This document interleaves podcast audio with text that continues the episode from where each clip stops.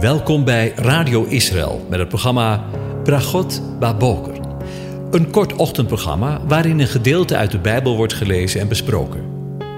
Met Bragot Baboker wensen onze luisteraars zegeningen in de ochtend.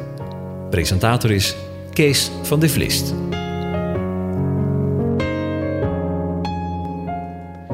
Goedemorgen, luisteraars. Vanmorgen gaan we weer verder met Psalm 91.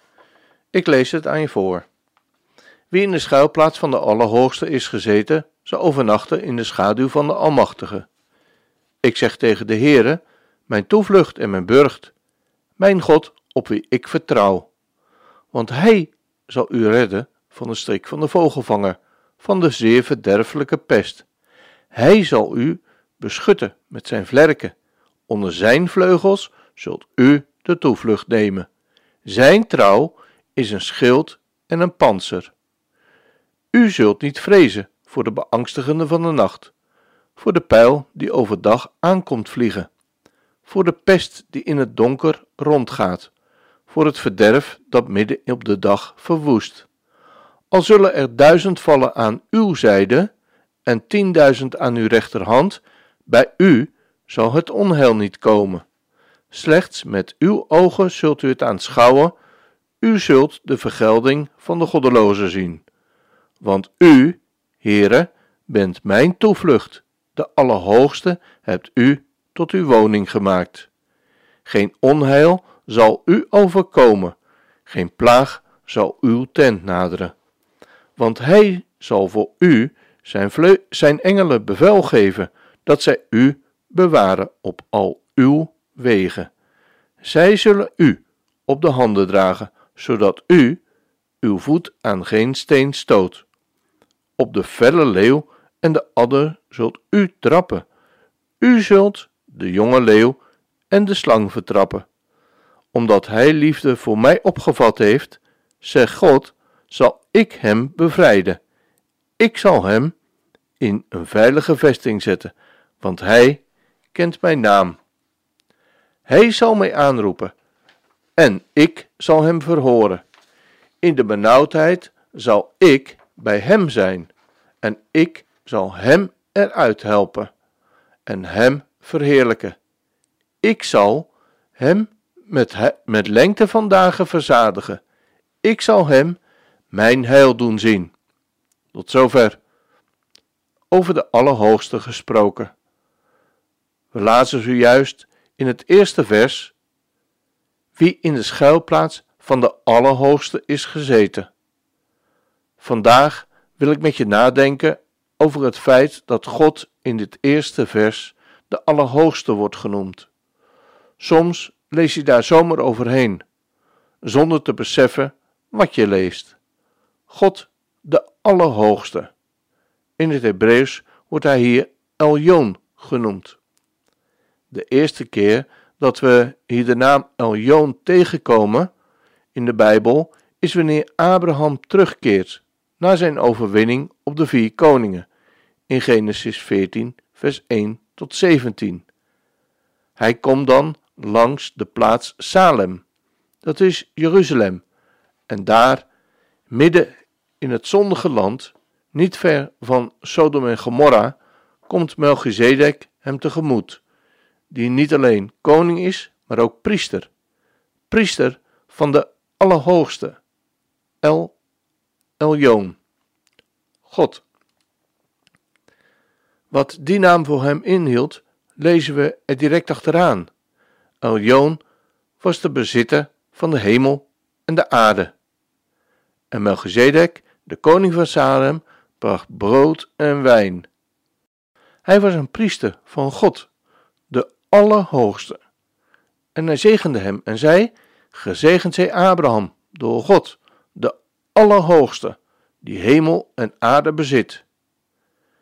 Eljoon is niet alleen de God die alle dingen heeft geschapen, maar ook de God aan wie de scheppingswerken nog steeds toebehoren.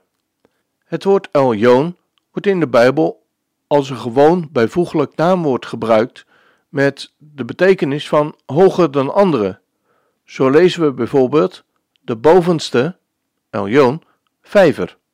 in 2 Koningen 18 vers 17 en van het huis dat hoog verheven is, Eljoon, in 2 Koningen 7 vers 21. Wanneer deze naam op God wordt toegepast, betekent dus, dus dat hij de Allerhoogste is, terwijl anderen onder hem zijn die op de een of andere manier met hem zijn verbonden. Maar omdat hij de hoogste, de Allerhoogste is, heeft hij ook de bevoegdheid om hen te regeren zoals hij wil. Dit is dan ook precies wat we in de algenoemde tekst uit Daniel 4 lezen, waar we de grootste aardse koning van die tijd, Nebukadnezar, de absolute alleenheerser van het Babylonische Rijk, God horen prijzen. Deze hoogste koning op aarde had geleerd dat er iemand was die nog hoger was. De Allerhoogste. Lees maar mee. Na verloop van die dagen sloeg ik, Nebukadnezar, mijn ogen op naar de hemel, want mijn verstand kwam in mij terug. En ik loofde de Allerhoogste en prees de, en verheerlijkte Hem die eeuwig leeft. Zijn heerschappij is immers een eeuwige heerschappij, en Zijn koninkrijk is van generatie op generatie. Al de bewoners van de aarde worden als niets geacht. Hij doet naar Zijn wil met de legermacht in de hemel en de bewoners op de aarde. Er is niemand die zijn hand kan wegslaan of tegen hem kan zeggen: Wat doet u? Op, dat op datzelfde tijdstip kwam mijn verstand weer in mij terug. Ook kwamen tot eer en mijn koninkrijk, zijn majesteit en mijn waardigheid weer op mij terug. Mijn raadslieden en machthebbers maakten hun opwachting bij mij. Ik ben in mijn koningschap hersteld. Mij werd zelfs uitzonderlijke grootheid verleend. Ik, Nebukadnezar, prijs, roem en verheerlijk nu de hemelkoning, omdat al zijn daden waarheid zijn en zijn paden gerechtigheid. Hij is in staat te vernederen wie in hoogmoed hun weg gaan. Tot zover. Is het niet opvallend dat tot twee keer toe in het stukje geschreven wordt dat toen Nebukadnezar zijn verstand weer terugkrijgt, hij God, de Allerhoogste gaat erkennen als de Allerhoogste en hem gaat prijzen, roemen en verheerlijken? Mag ik dat vandaag eens doortrekken? Als we nu ons verstand gewoon gebruiken, dan zullen we gaan erkennen dat Hij de Allerhoogste is. Daar word je echt niet slecht van. Lees maar.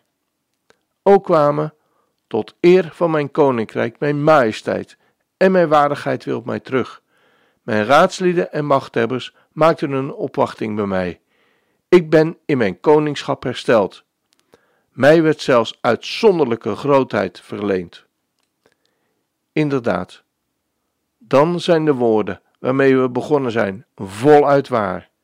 Wie in de schuilplaats van de Allerhoogste is gezeten. Als we een schuilplaats bij de Allerhoogste gevonden hebben, wat kan je dan nog overkomen? Ik wil eindigen met het volgende waar gebeurde verhaal. Op een bepaald moment diende een familie in Engeland te vluchten naar een verder afgelegen plaats vanwege hevige bombardementen. Iedereen was angstig en zocht schuilplaatsen. Deze familie was meer dan 100 kilometer verder gevlucht en hadden plaatsgevonden bij andere mensen. S'avonds zat men bij de kachel en de vader was bezig een boek te lezen. Maar buiten was het hevig aan het stormen en de regen kletterde hard tegen de vensters. Zijn kind, een meisje, zat heel stil, niet ver van hem weg. De vader nam een oogopslag naar het meisje en zag dat ze opnieuw bang was, nu van het hevige stormen, en zei: Kom maar bij mij. En ze nestelde zich op zijn schoot en legde haar hoofdje tegen zijn borst. Ze kwam helemaal tot rust. Toen zei ze plots: Papa, ik hoor het kloppen van je hart.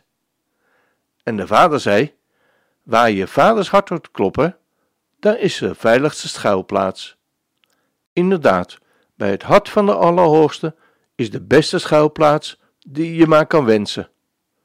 De uitleg door de rabbijnen over wat betreft de schuilplaats staat hier eigenlijk een voorwaarde. Zij bekijken dit vers als: Indien je altijd op de Heere vertrouwt, dan pas is Hij een perfecte schuilplaats. Het lijkt wel in hun ogen een gewoonte te zijn steeds in alles op Hem te vertrouwen.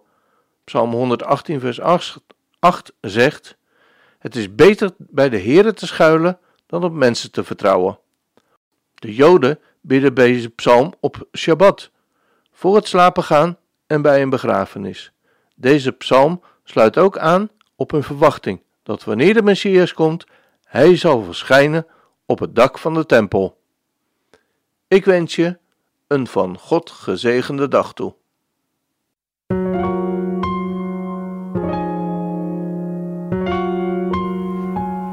U hebt geluisterd naar het programma Bragot Baboker. Een kort ochtendprogramma waarin een gedeelte uit de Bijbel wordt gelezen en besproken. Wilt u het programma nog eens naluisteren, dan kan dat. Ga naar radioisrael.nl en klik onder het kopje radio op Uitzending gemist.